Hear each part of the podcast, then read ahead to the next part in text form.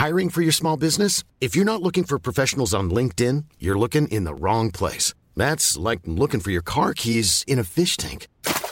LinkedIn helps you hire professionals you can't find anywhere else, even those who aren't actively searching for a new job but might be open to the perfect role. In a given month, over 70% of LinkedIn users don't even visit other leading job sites. So start looking in the right place. With LinkedIn, you can hire professionals like a professional. Post your free job on linkedin.com slash people today.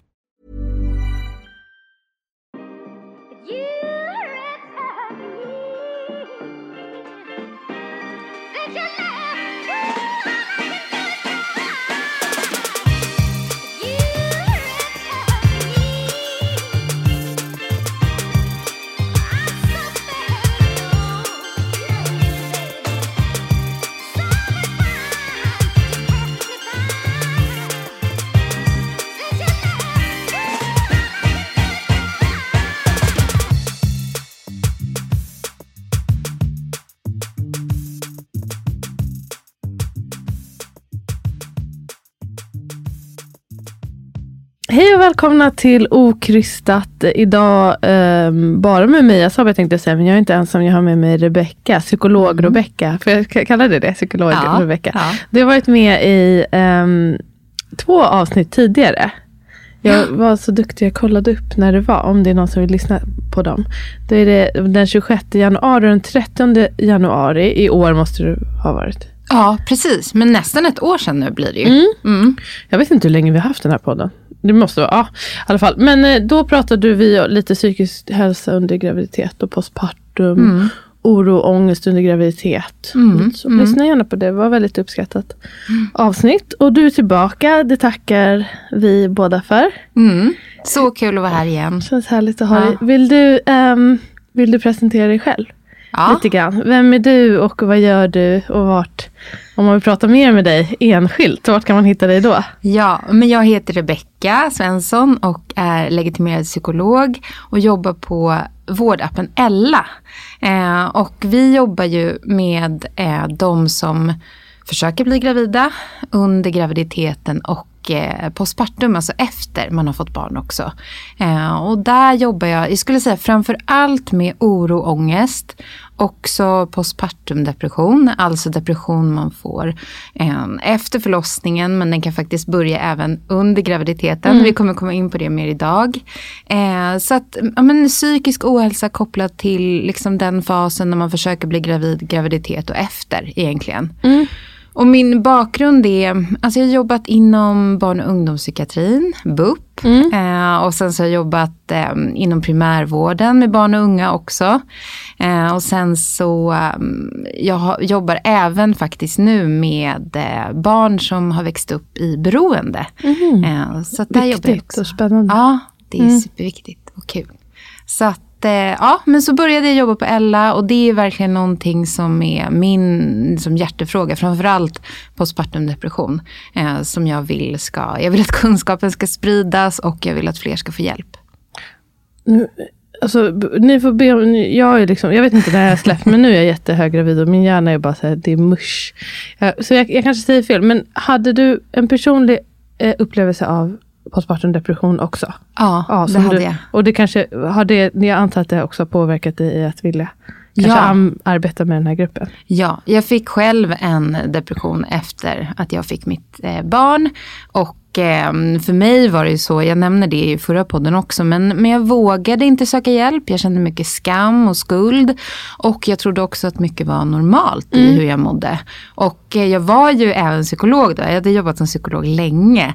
Eh, men eh, kände mycket så men det kanske är mig det är fel på. Jag borde nog inte blivit förälder. Eh, och sökte mm. väl hjälp ungefär efter nio månader kanske. Men oh, då wow. var jag ur det värsta. Så att ja, det, det är också det jag känner att jag vill hjälpa den här gruppen. Mm. Och nu hade man ju inte önskat att du var drabbad, men det kan säkert vara lärorikt för dig och ja. också hjälpsamt för dig nu när du ska hjälpa personer lite i samma sits kan jag tänka mig. Ja, och nu var det ju ett tag sedan så att jag har ju kunnat bearbeta det och må bra idag. Ja, det är ju superviktigt. Det är viktigt. Ja, verkligen. jag ska säga det att jag är ju också liten, jag äh, är lite involverad i Ella och när det startade upp så jag är inte helt opartisk i det här. Det är lite alltså nöjer med så reklammärkning och Mm. sånt. Så det är nu reklammärker här. Eller alltså det, det, jag tycker appen är superbra. Därför har jag också varit med och ehm, startat upp den. Och just att man kan få, särskilt när man är nyförlöst men även höggravid. Och, ehm, eller gravid överhuvudtaget. Att man inte behöver lämna sitt hem och kan bara Mm. prata med någon um, är därifrån där man är. Ja, Mm. väldigt uppskattat. Om man till exempel matar bebis eller om man är eh, gravid och har ont i kroppen. Eh, så det, det funkar super, superbra. Ja, Mm. super. Och det är samma, det kostar som ett vanligt uh, vårdbesök. Ja, och frikort gäller. Om man har det. gäller. Mm. Toppen. Men du, idag ska vi prata lite postpartum depression specifikt och lite eh, om postpartum psykos. Mm. Det har, är två ämnen som har önskats Mm. av våra lyssnare. Ehm, om vi börjar då med det lite vanligare postpartum depression eller förlossningsdepression som man ibland säger.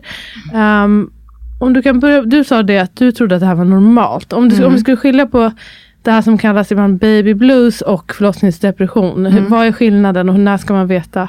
Mm. Eller hur vet man vad som är vad helt enkelt? Ja, eh, det är ju så att baby blues drabbas, alltså jag skulle säga de allra flesta av. Eh, ungefär 80 procent eh, drabbas av det. Eh, och det är liksom de, de allra första dagarna, två till tre dagar efter att man har fått barn. Eh, och det kan man beskriva som att man får ganska mycket humörsvängningar, är ledsen, när det är gråt, eh, kanske ångest också. Eh, så att mycket liksom starka känslor. Och baby blues är ju någonting som kommer eh, väldigt naturligt. Det är ingenting som man riktigt kan så här, skydda sig mot. För att det är ju någonting som påverkas av våra hormoner. Eh, men är det så att de här känslorna och symptomen håller i sig. Man brukar säga ungefär om de håller i sig två veckor. Um, ibland kan det vara så att, att några kommer till mig tidigare än så. Uh, eller, ja, och då kan det ändå vara så att det är kanske en förlossningsdepression. Men, men man kan ge det lite tid i alla fall, ungefär två veckor. Men annars skulle det kunna vara en förlossningsdepression om det håller i sig. Och det är inte fe- fel att söka hjälp även om man känner, om man känner helt enkelt Nej. det här är något jag inte hanterar själv. Eller att man har väldigt mörka tankar eller så. Då kan det ju inte fel att söka hjälp. Men det är väl tiden som du säger. Ja, och jag tänker så här att söker man hjälp så gör ju jag eller liksom min psykologkollega, vi gör ju alltid bedömningar. Så att eh, hellre sök en gång i onödan än inte alls, tänker jag. Och baby blues i sig kan ju vara jobbigt. Och man, det är också, jag tänker, dels såklart med hormonerna, det är ett kraftigt, eh, en kraftig minskning av bland annat östrogen. Och det är såklart en superomställning, men också sån stor eh, förändring i livet, alltså existentiellt. Och det kan vara att, eh, ja men så många olika scenarier. Man kanske får sitt första barn, man, relationen ändras. eh, Mm. Eh, kroppen är annorlunda. Man eh, kanske har längtat efter det här barnet jättelänge. Sen så blir det inte exakt kanske som man tänker sig. Man kanske inte känner det man har känt. Ja, Ja, ja. Och det kan ju vara helt normalt. Men det kan ändå vara tufft. Verkligen. Det, är- det är ju supertufft liksom det här med baby blues. Och, och jag tänker att så här, precis som du säger, även om det är normalt så, så är det ju supertufft. Men ibland kan det vara skönt att landa lite i det. Att så här, okej, det här kommer lägga sig, det kommer gå över. Men eh, gör inte det så är det ju bra att söka hjälp. Och jag tänker bara vetskapen. Alltså det blir så mycket läskigare om man inte om man har någon fantasi om Ja. att det bara ska vara liksom myspys, härligt från start. Alltså om man inte vet att det är helt normalt att grina lite och att det går Exakt. upp och ner och upp och ner. Mm. Exakt, det är viktigt att veta det. Mm. Verkligen. Ehm, ja, men och vad, vad ska man hålla utkik efter då? Nu sa du det att det ehm, håller i sig. Det kanske det har gått två veckor, jag känner mig fortfarande låg och så. Eller vilka symptom ska man vara, hålla uppsikt över? För sig själv och också som, från omgivningens håll. Vad ska man titta efter? Mm. Eh, men jag tänker att eh, en viktig del såklart som man kan eh, försöka känna av eller liksom titta efter både liksom hos sig själv och från omgivningen är ju om man, om man liksom kanske inte har lust med någonting som man förut tyckte kanske gav eh, lite glädje i alla fall. Eh, man kanske känner att eh, mycket känns hopplöst och tungt på ett sätt som är liksom, man, man som har otroligt svårt ofta att ta tag i saker. Eh, och sen så känner man sig nedstämd. Eh, och och eh, ibland kan det vara så att man, just det här med att orka saker, man kanske inte orkar duscha, man kanske inte orkar klä på sig. Och jag tänker så här att det är ju en väldigt omvälvande tid när man får ett barn. Man mm. kanske inte hinner mm, duscha, mm. man kanske inte orkar duscha ändå. Så mm. det är ju liksom helt okej. Okay. Men när man samtidigt känner den här känslan av hopplöshet, nedstämdhet, mycket ångest, oro. Eh, och till oron hör ju ofta mycket så här, katastroftankar också. Eh, ska någonting hända mitt barn? Ska någonting hända min familj? Ska någonting hända mig? Eh, och sen så mm, tycker jag att lite specifikt också för en depression som kommer efter förlossningen är ju att man känner mycket av de här skuld och skamkänslorna som jag nämnde innan. Eh, och det kan vara skuldkänslor över hur man är mot sitt barn till mm. exempel. Eh, vissa som kommer till mig har mycket skuld över att de inte lägger lika mycket tid på syskonet om de har fler barn. Eh, man känner mycket skam över att man inte mår bra mm. och vågar inte berätta det för någon. Så där är det ju viktigt för omgivningen att fånga upp och ofta så märker man kanske en liten förändring. Att det är någon som, eh, ja, men kanske en partner eller någon familjemedlem eller nära vän som kan fånga upp och se att så, ja, men jag ser att du inte mår bra. Mm. Och det jag alltid brukar säga då, det är att våga fråga. Eh, våga fråga den här personen som du ser inte mår bra. Eh, alltså hur mår du? Ja, ja. hur mår du egentligen? Mm. Kan jag göra någonting? Mm. Jag finns här. Mm. Och brukar du, tycker du att det ofta brukar påverka alltså anknytningen till barnet, att kunna ta till sig barnet? Och, mm. um, ja, hur, hur, hur, brukar det se ut? Mm. Eh, alltså har man en, eh, jag skulle säga depression kan delas in i lite olika delar. Eh, och eh, jag, jag, vill också säga att så här, man pratar ju om det namnet som är känt är ju förlossningsdepression. Mm. Men, men, vi som jobbar inom vården brukar använda postpartum depression. Eh, och det är ju för att det handlar ofta inte om själva förlossningen i sig. Det kan vara att man har varit med om en väldigt traumatisk förlossning och därför är man extra sårbar för att få en depression. Mm. Men det är inte liksom den, den, enskilda orsaken oftast.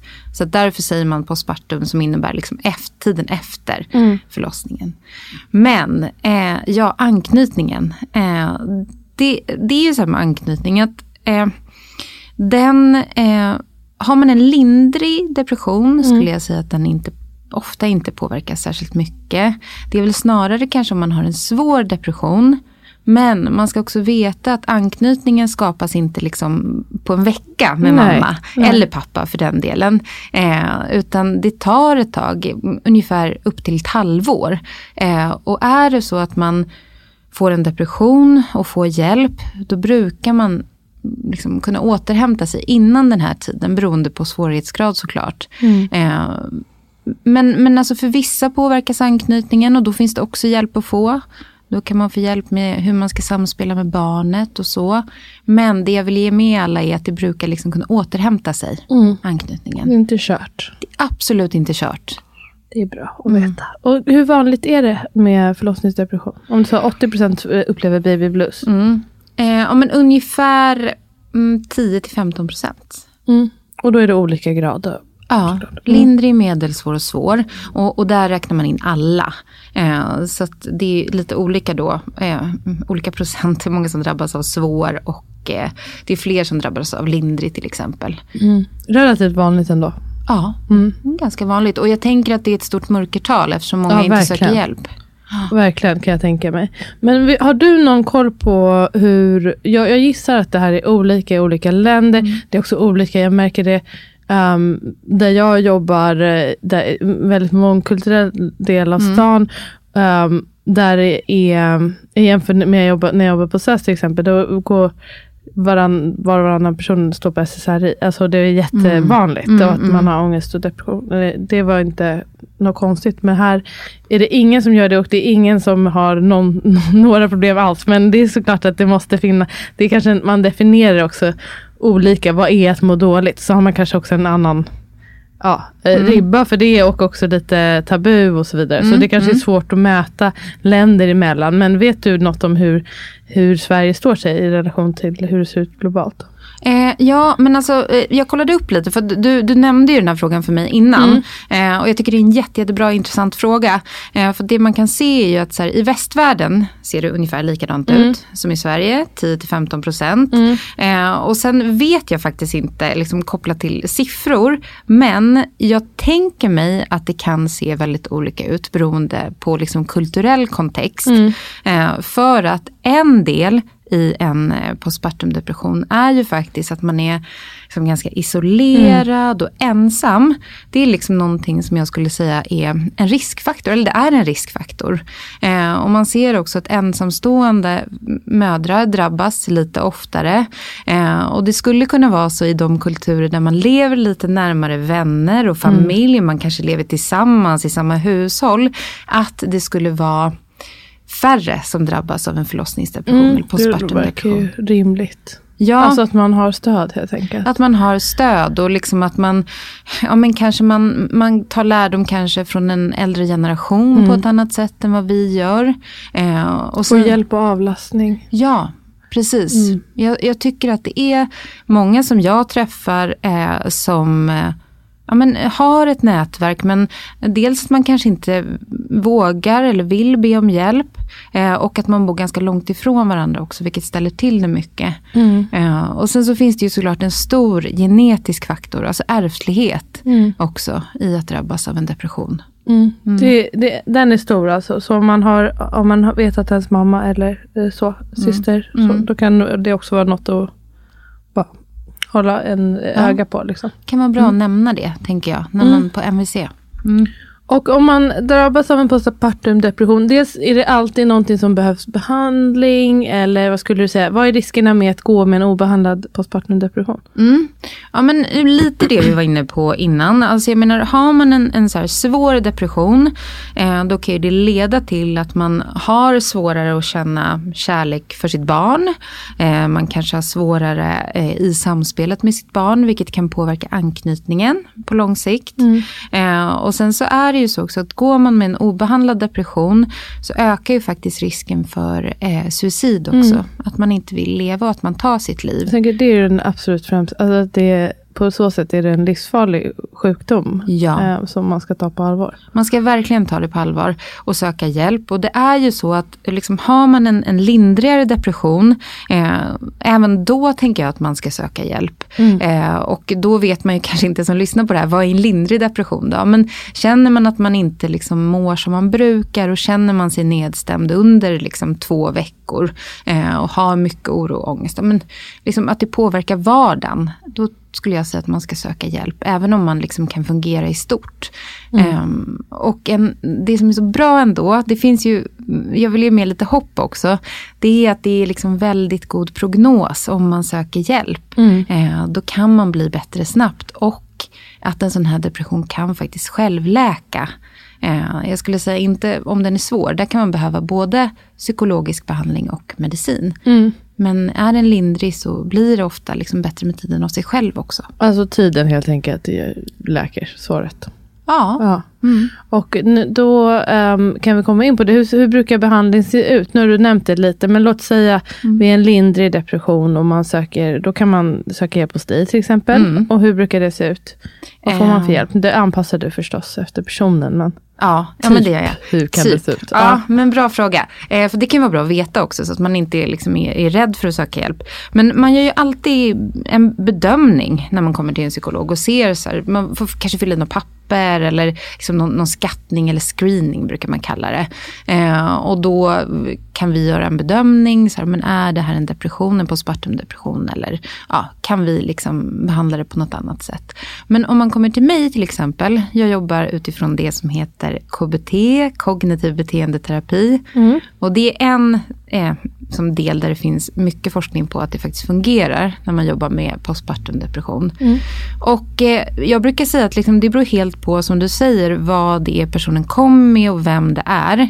Eh, ibland behöver man eh, jobba lite mer liksom, akut med att få till sömnen i första hand. Det kanske är någon som inte sover särskilt mm. bra. För det är ju också ett symptom, att man börjar få sömnrubbningar. Så det i sig gör det värre förstås? Alltså ja. att det blir en ond spiral där? Det blir en ond mm. spiral, man blir mer sårbar helt enkelt. Eh, och eh, då brukar jag också säga att så här, men det är ju klart att det är svårt att sova kanske när man har en liten bebis.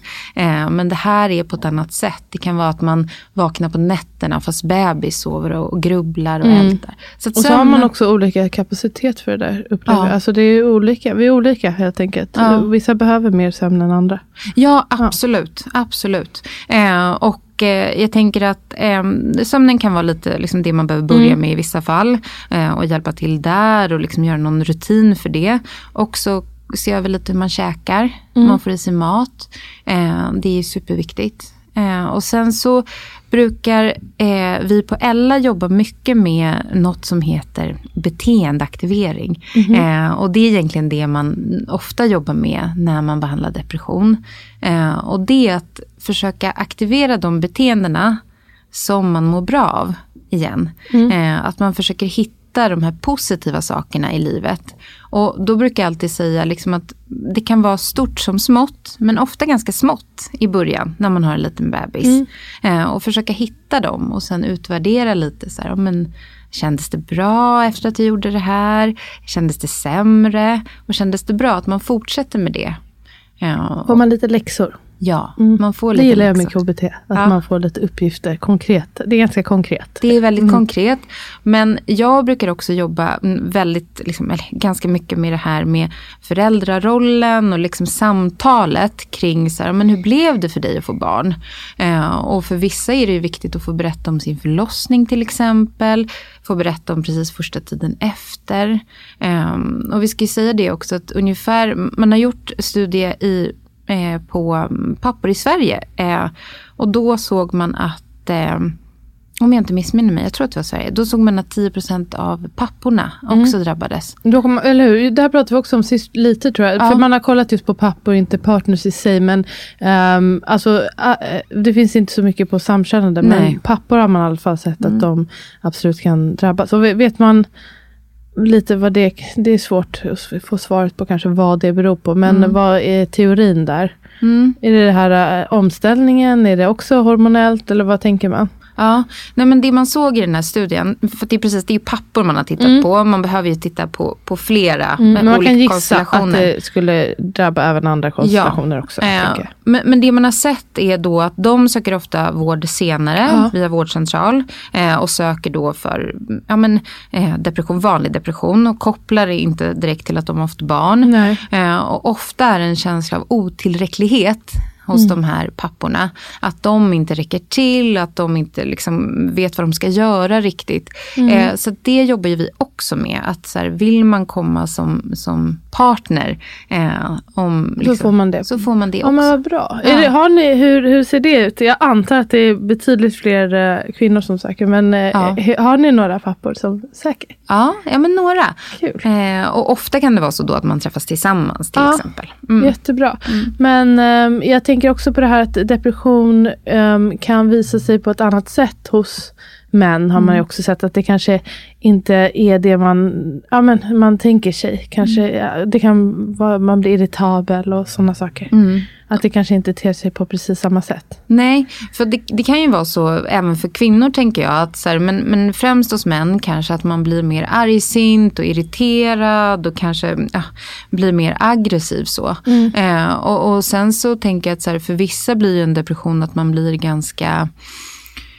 ja, men, eh, trött och, och orkeslös. Och för det andra blir det att man blir liksom lite uppvarvad och mm. försöker liksom hantera nedstämdheten eller ångesten på det sättet. Mm. Eh, så det kan se lite olika ut. Lite, lite lurigt, men, men som mm. allt annat får man utgå från sig ja, själv. Ja. Så man är en unik person.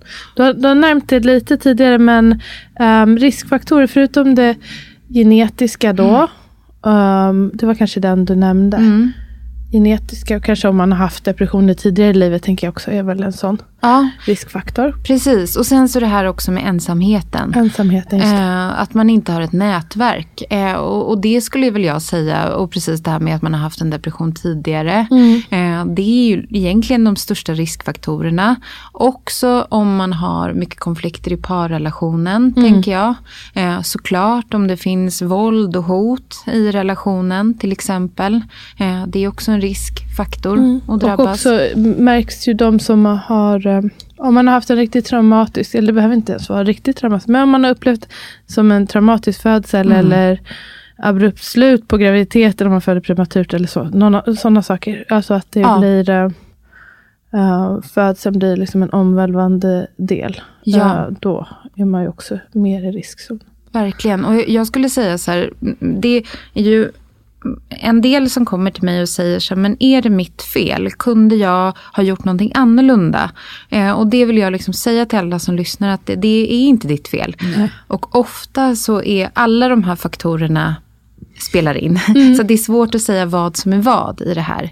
Eh, det kan vara lite genetik, det kan vara att man har liksom haft en tuff förlossning eh, eller att det har varit en liksom, traumatisk upplevelse för en själv till exempel. Eh, det kan vara mycket stress utifrån. Så att, eh, Ibland många... vet man väl inte vad Nej. det är. Ibland är det bara så. Ja, och hormoner mm. såklart också. Ja, och mm. hormoner. Mm. Och jag kan tänka mig, ja men också det här man kan, äh, det, är, det är många faktorer, men att man kan ha mycket press på sig själv också, hur man tänker att allting ska vara och mm, så. Mm. Att folk ska vara så duktiga och högpresterande. Och så kanske inte det, um, eller att man också längtat efter barn jättelänge, ja. så blir det inte precis som man hade tänkt sig. Jätte, kloka tankar. För att det där är så, så rätt. Att det är många som söker faktiskt hjälp. Eh, också för att de, de har haft en bild av så här, men det skulle ju inte bli, det, liksom, det skulle inte bli så här. Eh, utan jag hade andra förväntningar på hur det skulle bli. Eh, Då kommer skulden och skammen förstås. Ja, mm. eh, och varför sa jag inget under liksom, förlossningen till exempel. Mm. Eller varför gjorde jag inte si, varför gjorde jag inte så. Eh, och det är ju liksom att också gå in i det och grubbla kring det och skuldbelägga sig själv är ju en del i en depression mm. också, tänker jag. Det... Du nämnde lite gravid, äh, graviditetsdepression. Ähm, vad, det säger sig självt lite vad det är, men mm. det är mm. en depression som man drabbas av under graviditeten. Och hur, hur vanligt skulle du säga att det är? Har du någon siffra på det? Att det kommer redan tidigare? Oh, alltså, i, nej, det har jag inte. Men alltså, ungefär en tredjedel av alla postpartumdepressioner mm. börjar under graviditeten. Ja, okej. Okay. Det här tror jag inte många Nej. vet. Eh, och det är jag tycker är så bra att vi pratar om här. Eh, för då är det ju också viktigt att ta hjälp. Eh, och då kan man ju liksom landa lite mjukare efter en förlossning också. Om man tar hjälp redan under graviditeten. Eh, så det, det börjar ofta under graviditeten. Mm. Mm. Och vad kan det, för då, då är det inte, det är för sig det hormonella då också, att det är en mm. stor omställning. Sen så är det inte samma um, sänkning som precis efter födseln. Men tänker man att det också är det hormonella? Ja, och genetik även där.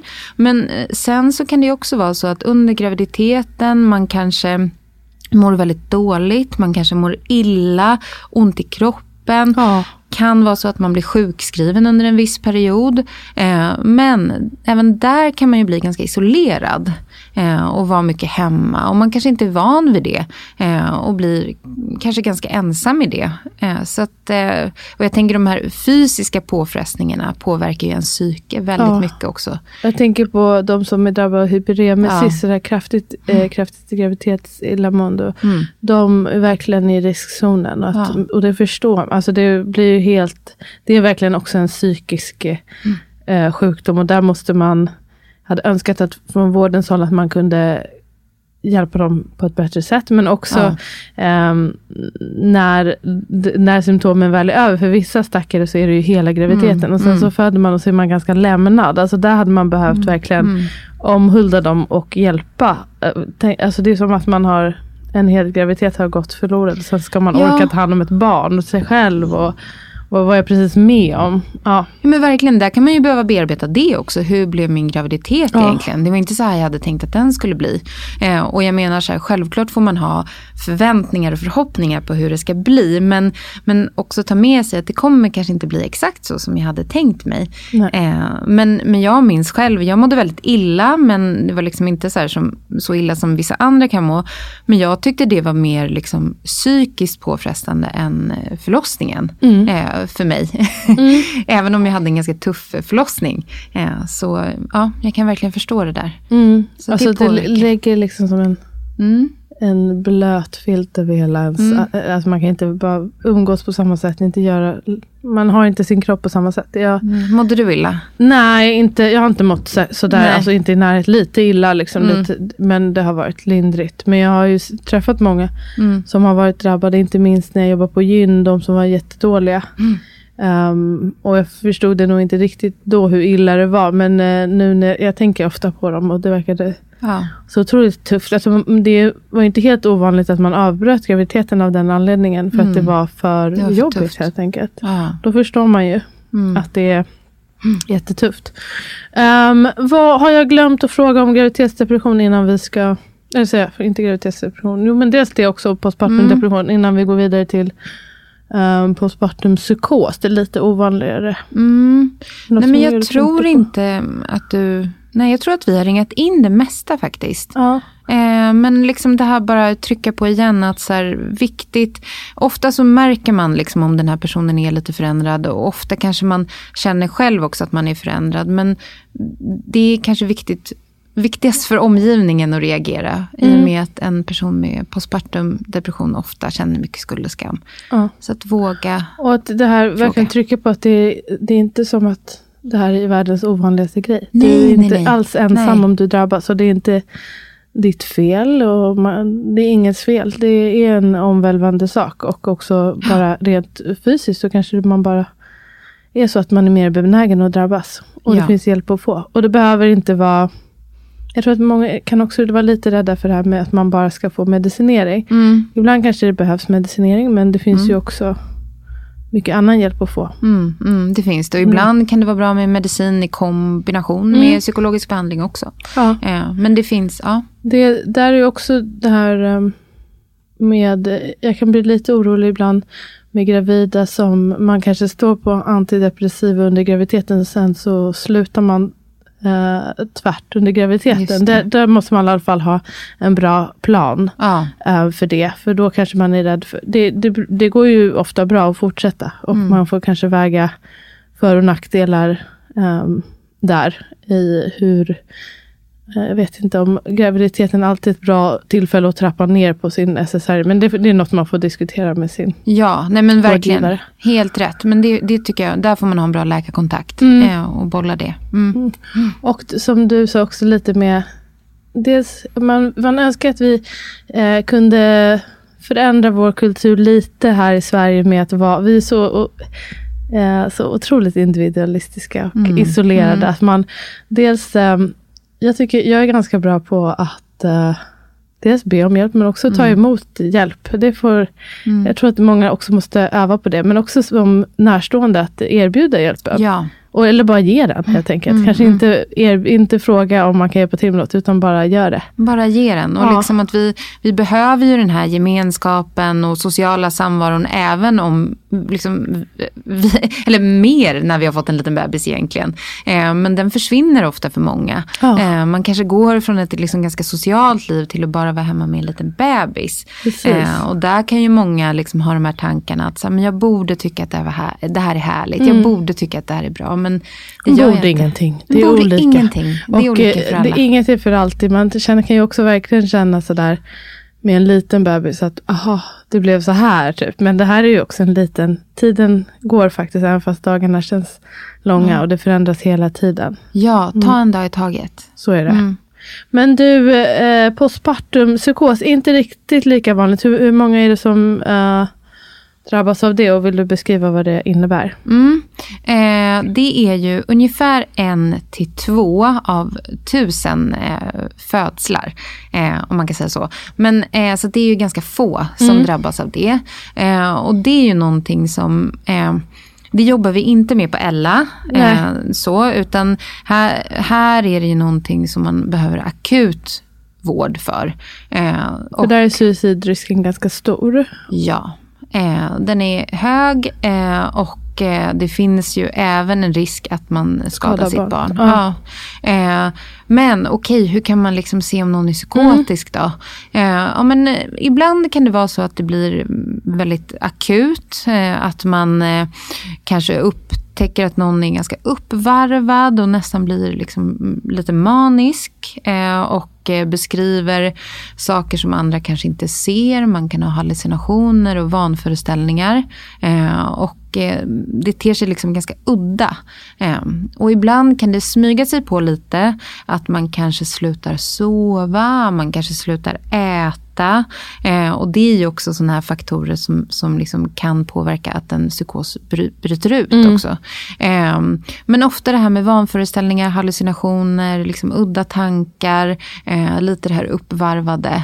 Eh, det är liksom sådana kännetecken. Nej, ja, på BB har vi haft några, alltså att man redan på BB ser ja. då um, ofta tecken på mm, psykosen. skulle du säga att det ofta kommer så pass tidigt att det brukar kunna eh, uppmärksammas redan på BB eller kan det komma liksom två, tre veckor efter också? Ja, men både och. Man kan absolut märka det på BB och mm. se det. Så det är ju superviktigt att fånga upp det redan där och ha kunskap om det. Och, eh, vad skulle du säga, vad finns det för riskfaktorer där? För det kan ju Ja, det, det, behöver inte vara så att man har haft en psykisk sjukdom innan. Men det kan, att ha till exempel bipolär sjukdom, vad finns det mer? Ja, bipolär sjukdom mm. är en stor riskfaktor. Mm. Eh, och Eh, sen så finns det ju, är det, om man har drabbats tidigare så är det ungefär 60 chans att man drabbas på nytt. Om man, om man får ett barn till. en psykos efter. Ja. Uh, uh. Ja, om man har drabbats av en psykos mm. så ja, är det stor risk att man får det igen. Mm. Eh, och eh, sen så såklart som vi alltid trycker på, vi psykologer med genetik och ärftlighet mm. är ju en stor riskfaktor. Mm. Eh, så det är ju egentligen de största eh, riskfaktorerna. Och jag ska säga också, man kan ju fånga upp det på BB men sen så är det ju så bra i Sverige också att eh, BVC gör ju hembesök mm. eh, och kan ju även fånga upp det där. Och där gäller det ju verkligen att man har en bra samverkan mellan BVC, BB och psykiatrin också. Så att alla vet liksom, okej okay, men vad ska jag titta efter? Hur kan vi upptäcka det här och hur kan vi hjälpa den här personen på bästa sätt? Och här tänker jag att närstående är jätteviktiga. För ja. där kanske man i alla fall min, mitt antagande, jag kanske har fel, men att man i en postpartumpsykos eh, kanske svårt, har svårt att själv se att man mm. är i den. Mm. Um, men att de utanför kan mm. uh, märka att nu är någonting annorlunda. Ja, det är absolut en vanlig liksom, del i en psykos. Eh, att man inte är medveten om den själv. Man kanske mm. anar att det är någonting som inte riktigt stämmer. Eh, men det blir ju som en, en, verklighet för den som är i det. Eh, så att de närstående är otroligt viktiga där. Mm. Eh, och det är ju liksom en, en, del i behandlingen också. Att, att eh, involvera de närstående väldigt, väldigt mycket. Eh, och också är det så att man får en postpartum psykos, då behöver man ju ofta vara på, på sjukhus. Alltså mm. Alltså man behöver ofta läggas in. Mm. Eh, och det optimala är ju om, om det går att man liksom kan vara nära sitt barn. Mm. Eh, ibland funkar ju inte det men, men då brukar man liksom, ja, försöka göra så gott det går där och att man ska få träffa sitt barn så snabbt det går. Hur länge brukar det hålla i sig ungefär? Har man något, eller är det helt olika? Ja, men det är lite olika. Men alltså, eh, en psykos kan ju, en postpartumpsykos håller väl i sig, kan hålla i sig några veckor. Mm. Eh, och där är ju också en, en del det här med anknytningen. Eh, och eh, håller den i sig längre och får man inte liksom rätt stöd, i, i liksom, ofta får man ju det, för att man märker ju ofta om en person är psykotisk. Mm. Men då kan ju det också påverka anknytningen. Eh, men ofta så gör det inte det. Ofta kan man hämta upp det där i och med att den som inte håller i så länge. Okej, okay. och om man väl har fått en postpartumpsykos, är det någonting man måste fortsätta liksom behandla och förebygga livet ut sen? Eller kan man, man bli utskriven och, och sen liksom vad? Vad händer? Jag antar att man också blir rädd att det här ska ske igen. Mm, mm. Mm. Och jag tänker att så här, det som är eh, otroligt viktigt som jag vet att eh, eh vissa organisationer jobbar med. Eh, mamma till mamma är ju en sån organisation. Mm. Eh, som jag tror grundades av två personer som har haft postpartum psykos. Eh, så jag tänker så här, dels att få prata om det här. Mm. Eh, och så här, vad var det som hände och få bearbeta det. Eh, och sen så kan det ju vara så att om man har haft en psykos så kan det hänga i lite att man är nedstämd eller ångestfylld. Och det kan man ju få psykologisk behandling för.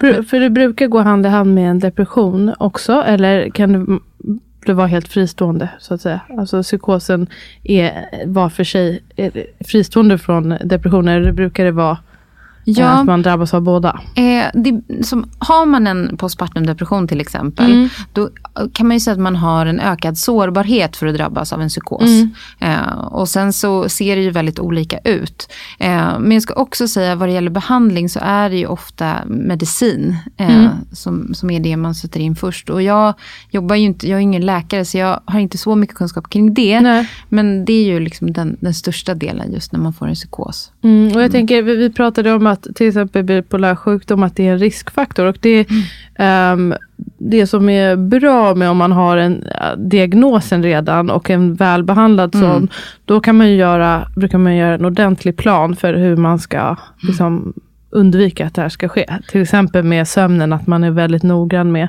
att eh, personen får sova ordentligt, att man ser till att rätt medicinering finns och så vidare. Ja, eh, för att sömn är ju också en riskfaktor här. Mm. Att det ökar ju sårbarheten om man inte får sova. Precis, det finns en plan om man är bipolär såklart. Eh, och sen så har man ju alltid en plan också. Är det så att man har drabbats tidigare av en postpartum psykos, mm.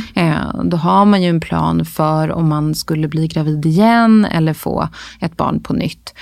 Sen kan ju medicinering se lite olika ut. Hur länge man behöver medicinera och hur det, liksom planen för det är. Mm. Men det är viktigt att väga för och nackdelar mot varandra. Precis som med SSRI mm. som du pratade om under graviditeten. Verkligen. Att eh, man behöver en plan för medicinering som, som där fördelarna överväger. Så. Precis, alltså ens, ens mående där måste väl ofta gå först. Ja. För att man ens ska orka och kunna vara en bra eh, förälder. Exakt. Um, och det sa väl lite vad riskerna med om man går obehandlad med en postpartum psykos. Det är ju att man eh, i värsta fall skadar sig själv eller sitt barn. Så det är mm. eh, allvarliga ja, saker. Ja. Jag kan tänka mig här också med när man kommer ur den här sjukdomen, att där kan man tänka sig att skuld och skam är, är, eh, att det är, den är stor. Mm. Alltså i mm. psykisk ohälsa överlag, men det är väl vissa vissa um, tillstånd som kanske har blivit mer normaliserade. Men jag, kan, jag tänker att just uh, psykos och psykos kopplat till att man har fått barn är fortfarande mm. väldigt um, tabubelagt. Men där tänker mm. jag precis som du sa, att hitta sammanhang eller forum där man kan prata med folk som har varit med om samma, som verkligen förstår, måste ja. vara ovärderligt. Ja, för jag tänker att, att jag som psykolog kan jobba med liksom behandlingen utifrån liksom KBT till exempel och fånga upp liksom nedstämdhet, oro och ångest eh, och till viss del även bearbeta. Men det är så otroligt viktigt, tänker jag, just när man har haft en psykos, en postpartum psykos, att få träffa andra som kanske har varit med om samma sak. Mm. Eh, och att få lyssna på andra berätta om om det. Eh, att man inte är ensam. För det går aldrig att förstå Nej. när man inte har varit där. Så är det. Mm. Och så är det med massa olika ja. saker. Vi pratade, igår hade vi, jag vet inte om det kommer att släppas innan eller efter det här, men om ofrivillig barnlöshet. Mm. Så sa de det, samma grej där att um, det, att prata med folk som är, mm. har varit i samma sits, det är verkligen ovärderligt. För man ja. kan inte fatta hur det är att gå flera år och försöka Nej. bli gravid om man inte har gjort det själv. Så, och det är faktiskt en fin grej med um, att leva 2023. Att det mm. finns ett forum för det mesta. Ja, ändå, verkligen. tänker jag. Ja. Vad, heter det, vad har vi glömt? Är det något mer du vill säga till de som lyssnar som kanske dels är oroliga att de Um, att man är orolig för att man ska drabbas. Eller um, om man, någon som kanske kommer att drabbas i framtiden. Jag vet inte. Har ja. du några kloka ord? Nej, men det jag tänker så här, vad gäller förlossningspsykos mm. så är det ju extremt ovanligt. Mm. Det vill jag liksom ge med mm. också. Eh, och ofta eh, så fångas man upp Eh, liksom det, ofta märker omgivningen av det eller att man fångas upp av BB eller PVC. Och då är det ju viktigt att, att liksom söka akut till mm. psykiatrin. Men det är väldigt ovanligt. Eh, och det vi har pratat om idag med anknytning och så. Eh, oroa eh, är det inte för det är onödan. Utan det brukar man alltid, eller ofta kunna hämta upp. Mm. Eh, och sen så det som vi var inne på alldeles nyss. Det här med att prata med andra. Att eh, du är ofta inte ensam i att känna så här. Eh, jag har till exempel, eh, eller ibland säger jag till mina patienter att men fråga någon eller berätta på den här mammagruppen eller den här barnvagnspromenaden om du vågar. Om det är någon du känner liksom att du har connectat med. Jag tycker oftast kommer det ju senare att man vågar säga att ja. ah, jag mådde inte så bra. Mm. Men dels att man kanske inte ser det i stunden för man bara, det här kanske är så det ska kännas. Ja. Eller att just det här med att man är känner skuldkänsla, att man inte vågar säga det. Så jag upplever att man får höra lite senare att det var jättejobbigt. Absolut, ja. absolut så är det ju. Liksom precis det som du beskriver, att man känner mycket liksom skam kring mm. det här. Men om man kanske går i behandling till exempel och så mm. har man en psykolog som säger så här, men våga berätta för någon. Mm. Testa det. Kommer man höra. Då kommer man höra att... Lite Ofta hör man då, men vet du jag känner likadant. Eller mm. jag har också känt så här. Eh, och det är ju eh, så himla liksom, läkande också. Att få höra att andra har känt samma sak eller varit i samma situation. Eh, så att eh, våga berätta. Eh, ja, och det är inte ditt fel. Mm. Eh, så. Jag vill ge ett, det här, jag förstår, det här är inte för alla. Och man kanske, vissa kanske mår bra av att bara köra på. Men jag tycker generellt um, jag, jag har också svårt att varva ner ibland. Man vill göra så mycket. Man känner att eh, liksom, mycket av livet går ut på att prestera och då är man duktig. Men om man kan eh, tillåta sig själv att dels under graviditeten och den här tidiga postpartumtiden, att det, det, i sig är, du, du presterar jättemycket hela tiden. Mm. Med att bara, du skapar liv, du um, liksom livnär en liten person. Man får, får verkligen sänka kraven rejält på sig själv. Ja. Rejält. Det får man. Ja. Eh, och eh, lite så här, ja, men, som jag alltid brukar tänka och säga är så här, men gör det good enough. Mm. Eh, och eh, du gör ett jättebra jobb och det ser olika ut för alla. Eh, alla har liksom olika förutsättningar, alla har vi olika kroppar, olika liksom förlossningar, eh, olika typer av barn. Ja, verkligen. alltså, jämf alltså att jämföra sig är är också ett jätte, det pratar vi väldigt mycket om, men det är helt lönlöst. För vi har inte varit med om en annan persons, vi har helt som du säger, olika graviditeter, mm. olika födslar, olika barn, olika familjer. Det kommer bli mm, mm. en unik situation för dig. Ja. Verkligen. Eh, så att, ja men liksom sammanfattningsvis, våga berätta kanske första steget för någon anhörig, någon vän. Eh, våga söka hjälp ta hjälp och söka hjälp. Eh, och det finns hjälp att få. Prognosen är god för postpartum depression. Mm. Eh, och eh, ja, eh, det är inte ditt fel. Och det Nej. finns många andra som har det som du har det. Eh, det är väl det jag vill ge med också. Jättebra. Mm. Vi avslutar så. Vi, um, när vi släpper det så kanske vi fortsätter dialogen lite på Instagram om folk har mm. följdfrågor eller så. Eller vill berätta om um, deras egna upplevelser av det här. Det kan ju vara fint att få, ja, att, ett sätt att få um, höra att andra har varit med om liknande saker. Mm. Mm. mm. Så det tänker jag delegera till Oppo att hon får göra. Ja. tack så jättemycket Rebecka att du var med och tack att ni lyssnade. Ja. Hej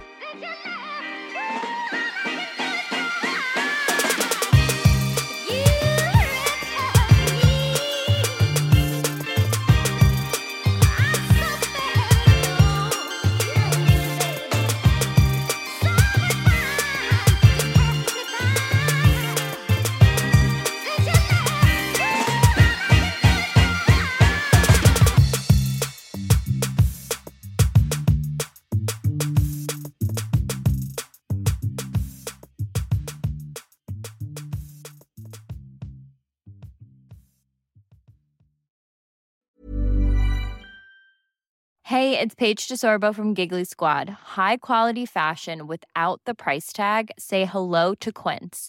I'm snagging high-end essentials like cozy cashmere sweaters, sleek leather jackets, fine jewelry, and so much more. With Quince being 50 to 80% less than similar brands and they partner with factories that prioritize safe ethical and responsible manufacturing i love that luxury quality within reach. Go to quince.com slash style to get free shipping and 365 day returns on your next order.